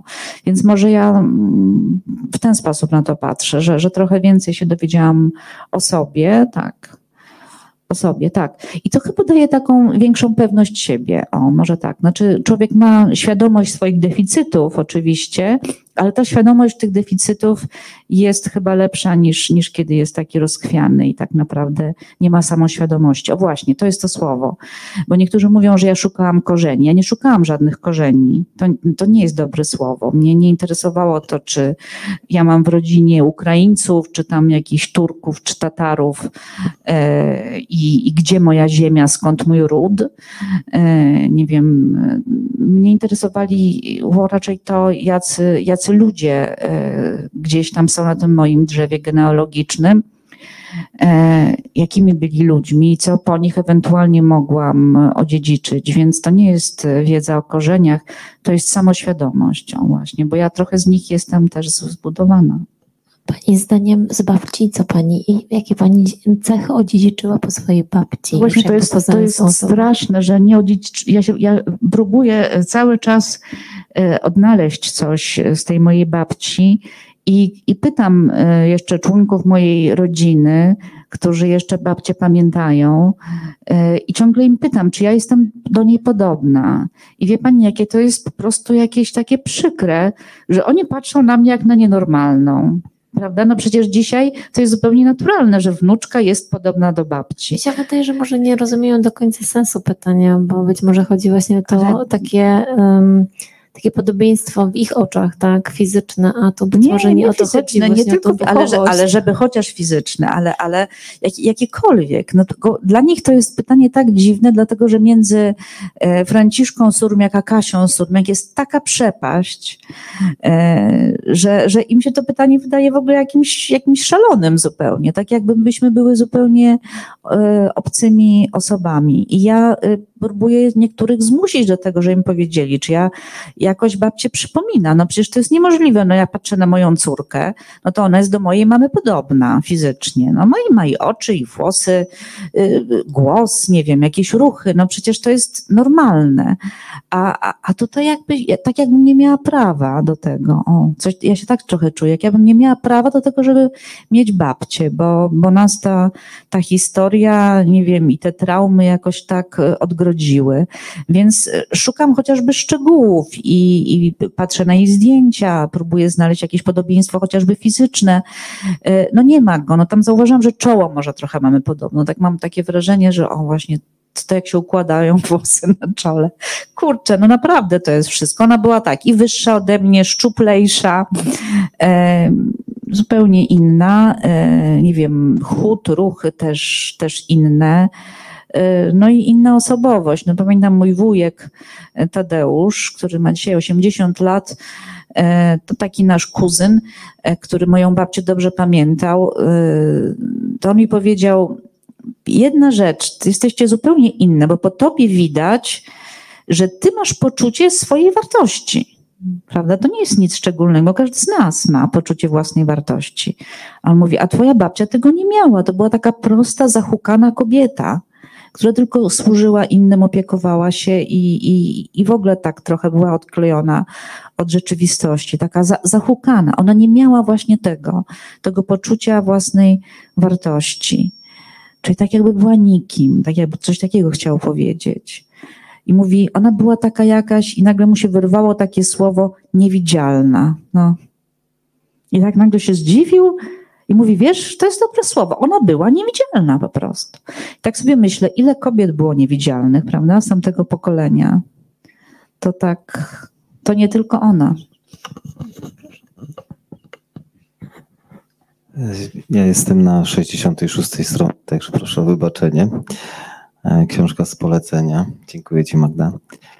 E, Cenię cud, bo e, szczerze mówiąc, e, temat e, rzezi wołyńskiej, e, rzezi też bardziej na południe, czyli w Galicji Wschodniej, to jest temat, przez, przez który mm, brnę od dzie- dziesiąt, dziesiątki lat, powiedziałbym ale y, tak autentycznego opisu i to po tych kilkudziesięciu stronach, tak do mnie docierającego.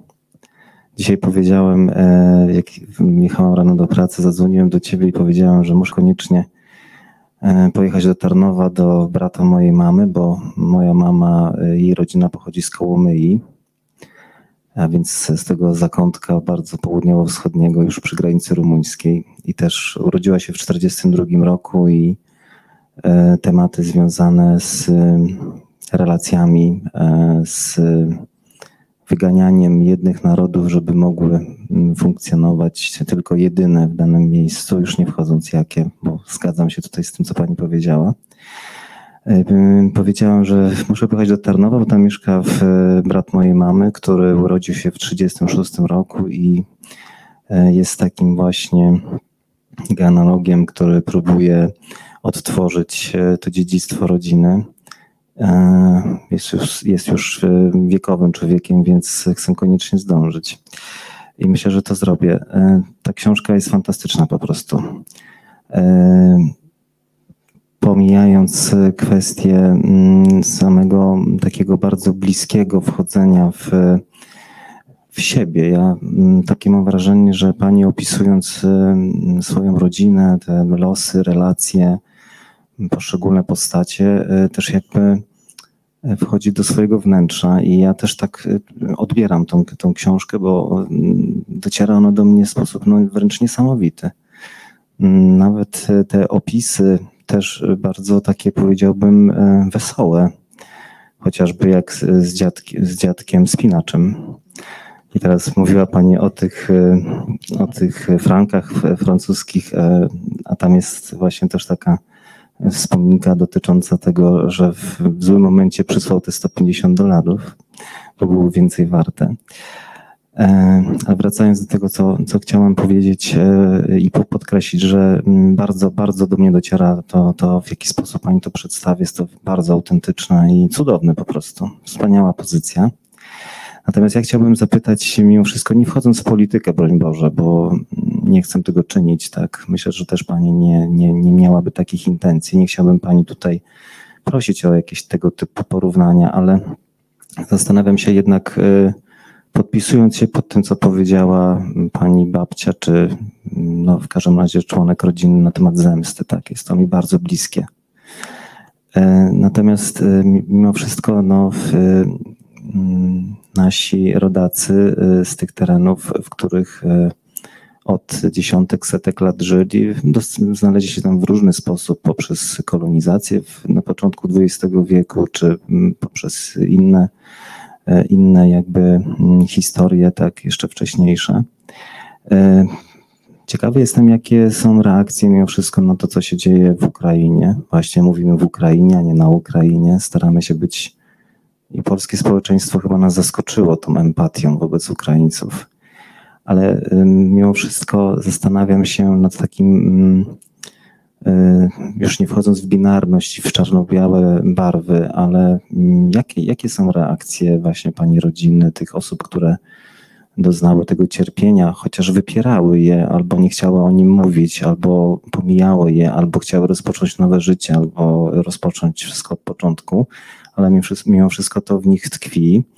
E, Jak oni podchodzą właśnie teraz do tej e, sytuacji, która jest w Ukrainie i tego mimo wszystko, że mm, Ukraińcy no, mają te mm, symbole takie no, tryzubowe, tak, łupowskie i tak dalej. Czy ten element gdzieś pojawia się, bo to jest dla mnie interesujące właśnie, czy, czy taka sytuacja ma miejsce i jak, jak, jak, jak oni to widzą, tak? Jak pani też to widzi, bo przecież pani docierając i opisując te losy w tak cudowny sposób, no też jakby otworzyła swoje wnętrze na te sprawy i też jestem ciekawy pani zdania.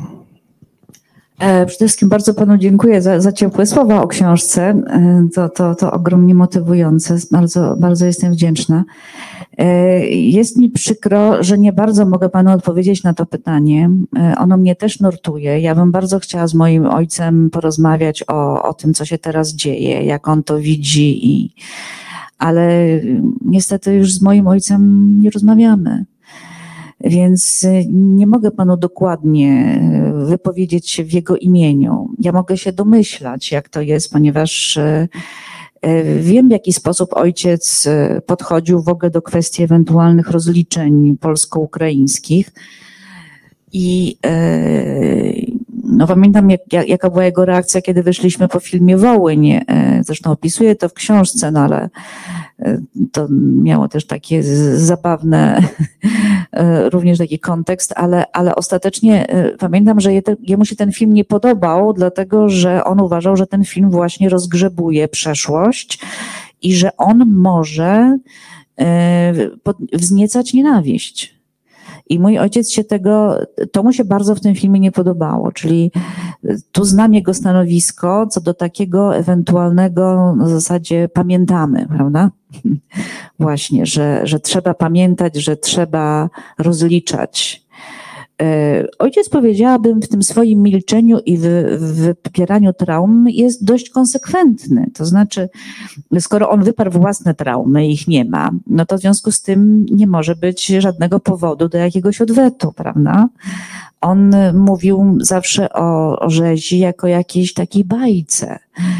E, przyszli źli ludzie, mordowali, obcinali głowy, palili, spalili nam dom, musieliśmy uciekać. E, to były jak postaci z bajki. No nie można nienawidzieć postaci z bajki. Więc e, w tym wypieraniu traum jest taki pozytyw, że przy okazji nie hoduje się właśnie tych animozji, tej, tej agresji, tej, tej, tej chęci zemsty.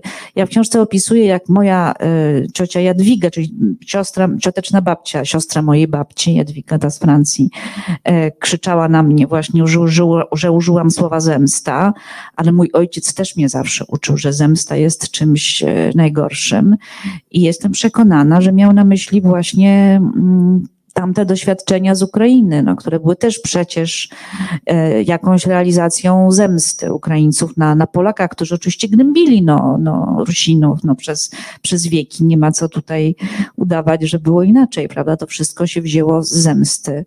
E, ja muszę powiedzieć, że jeżeli jestem mojemu ojcu wdzięczna za, za jakiś aspekt wychowawczy, to chyba za to, że on rzeczywiście mnie jakoś tak nauczył, że, że zemsta jest czymś złym. I muszę panu powiedzieć, że ja przy wielu moich wadach, e, prawda, i, i, i, jakichś problemach charakterologicznych, jakoś nigdy nie przypominam sobie, żebym e, miała ochotę się na kimś mścić. E, znaczy mi to, y, oczywiście odczuwam gniew, od, odczuwam, nie wiem, jakąś irytację, chcę, nie wiem, udowodnić, prawda, że mam rację, chcę, żeby uznano moją krzywdę, owszem, ale żeby się mścić, żeby jakiś odwet, to, to, to jest mi zupełnie obce. To chyba jakoś tak mnie już uformowano i, i, i to uważam za, za coś bardzo ważnego e, i cennego. Tak, jednak cennego, bo nic, nic dobrego na pewno by nie wynikło, gdybym mm, taką skłonność miała.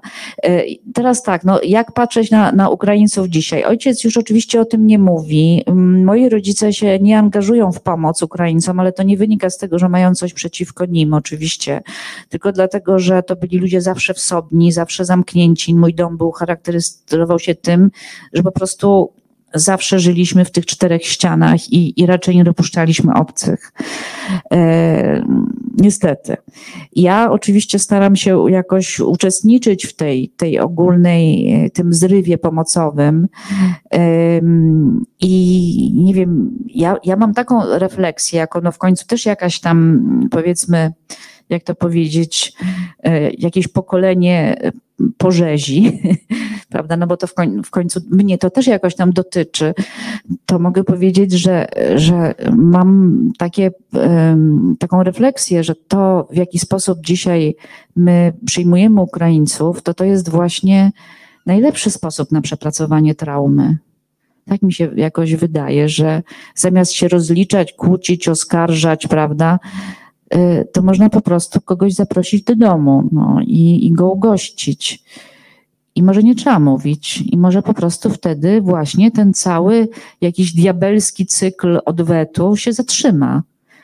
Mnie się wydaje, że to jest strasznie piękne. Jak myślę o tych ludziach z Ukrainy na samym początku wojny, prawda, był taki wielki eksodus. Oni uciekali z tych miast piechotą, czasami z tymi bagażami, z kotami w klatce, szli do granicy, byleby szybko po prostu gdzieś się wydostać. Tak myślę sobie o tym, jaki lęk musiał im towarzyszyć, no bo przecież mieli przekraczać granicę z Polską, no a tam różnie mogło być, prawda? No bo przecież też znają historię i wiedzą, że jest wielu Polaków, którzy, no właśnie, no tak jak chociażby moja rodzina, no ma jakieś, pamięta o jakichś tam krzywdach. Y, nie wiadomo było, jak, jak Polacy ich przyjmą. I myślę sobie, że to jest po prostu coś niezwykłego, że oni stojąc tam czasami całą dobę w tej kolejce, nagle przekraczają tą granicę i patrzą, no to jakiś tłum ludzi przyjechali samochodami i po prostu zapraszają do domu, chcą pomóc bezinteresownie. Ja szczerze mówiąc, nie słyszałam o takich wojnach. Ja, ja nie słyszałam, żeby tak w ogóle na jakichś wojnach było, że tak po prostu można wyjść ze swojego kraju i sąsiad od razu przyjmuje. Tak nie było. W czasie II wojny światowej tak nie było. I, I moja babcia, jak, jak uciekała, to, to, to nie było nikogo, kto by czekał.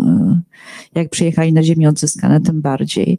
Więc w tym widzę coś niezwykle pozytywnego i oczywiście w tych domach pewnie się spotykają tacy ludzie.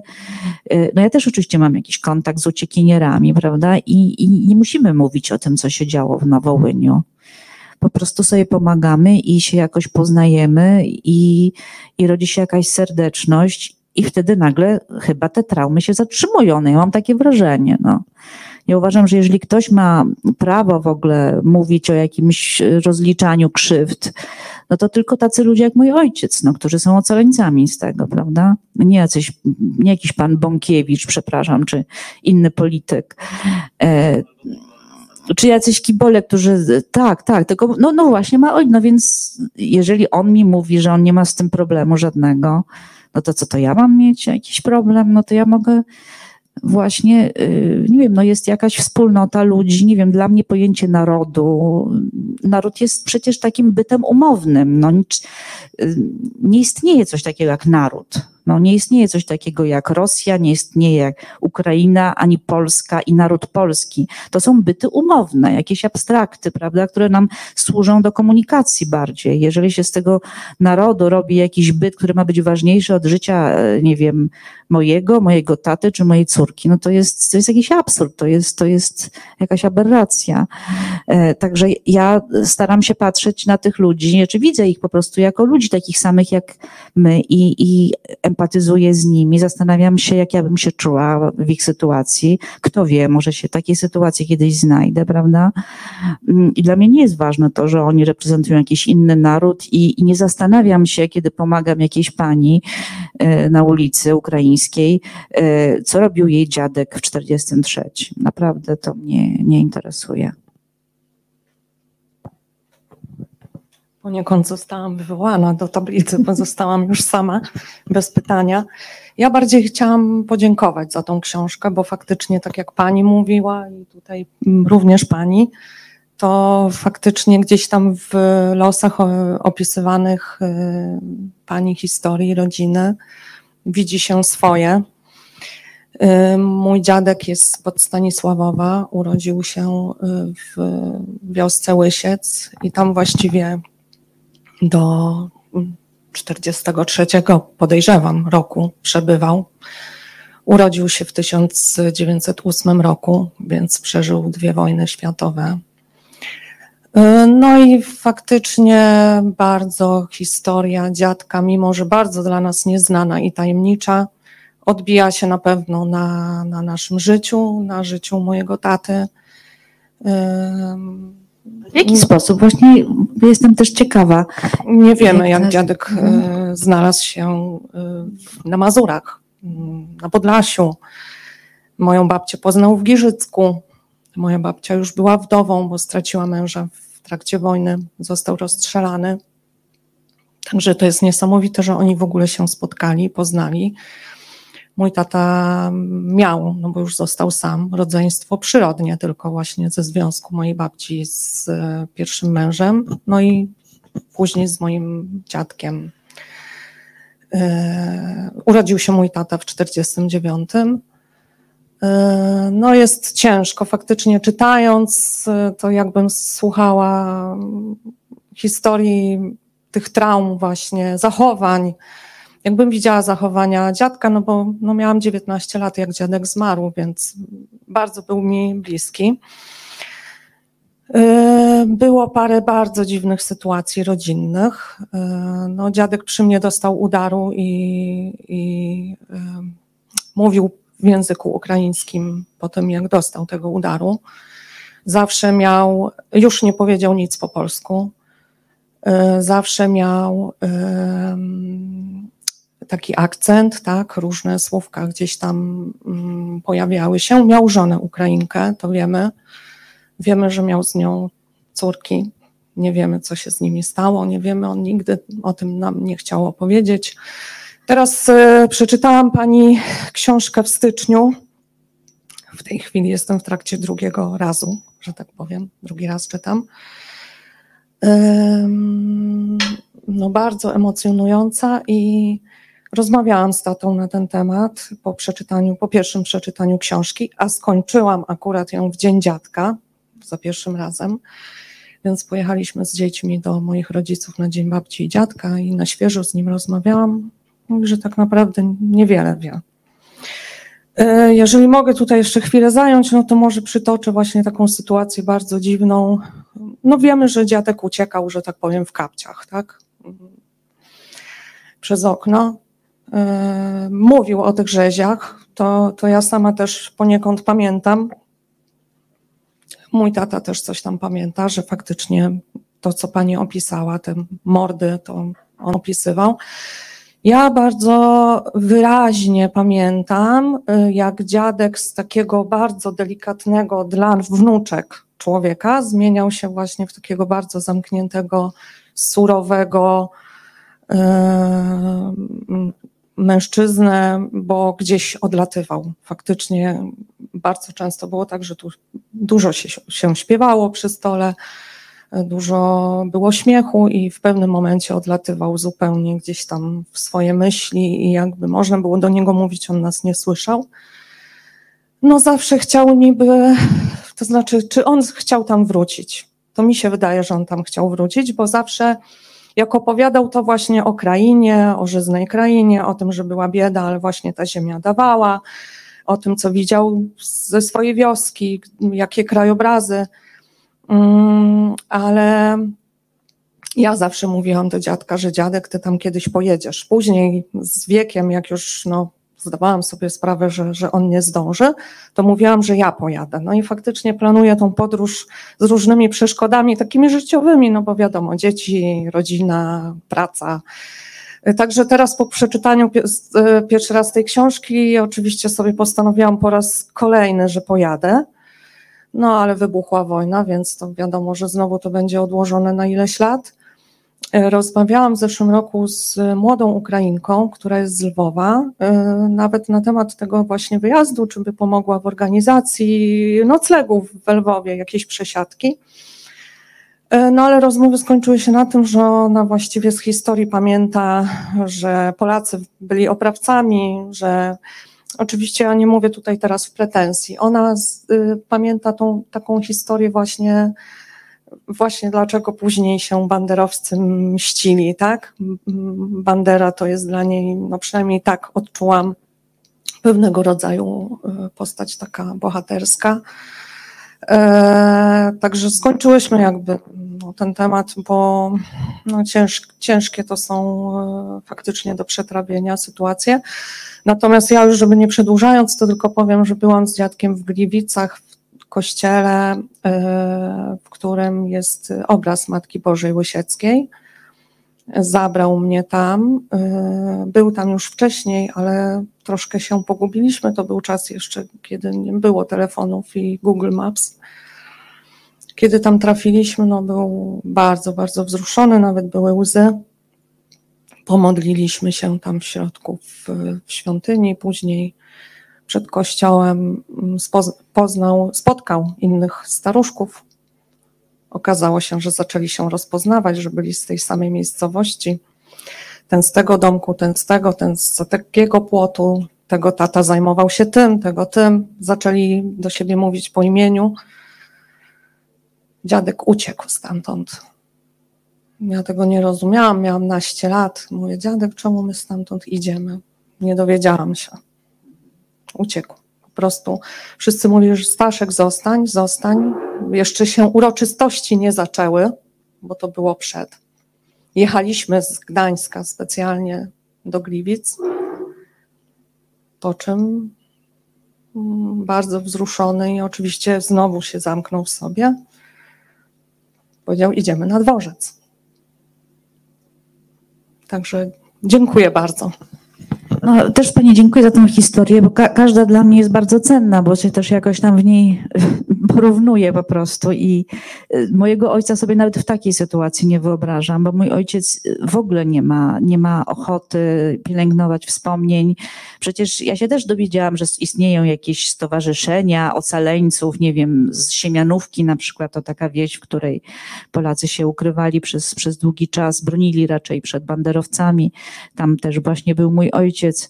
Ojciec nigdy nie chciał należeć do żadnych stowarzyszeń, nigdy nie szukał kontaktu z ludźmi o tych samych doświadczeniach. W ogóle go to nie interesowało. Do tego stopnia, że ja jak pojechałam w końcu do Ukrainy, jeżeli czytała Pani książkę, no to Pani tam kojarzy, na, na końcu jest mowa o tym właśnie, że jadę w końcu w, w to miejsce, gdzie stał ten nasz domek, gdzie to wszystko się działo.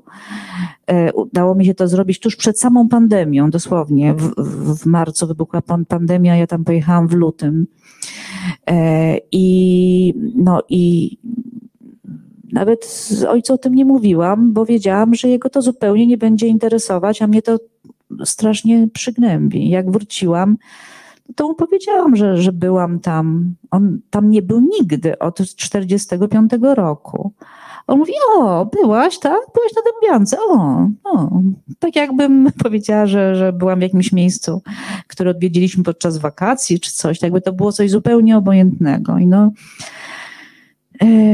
Także ojciec jest mój konsekwentny, bo jak rozumiem, w pani dziadku coś cały czas walczyło, prawda, że on coś tam wypierał, ale jednak, jednak go te wspomnienia jakoś tam pociągały, jednak się zdobył na taką podróż, potem uciekł.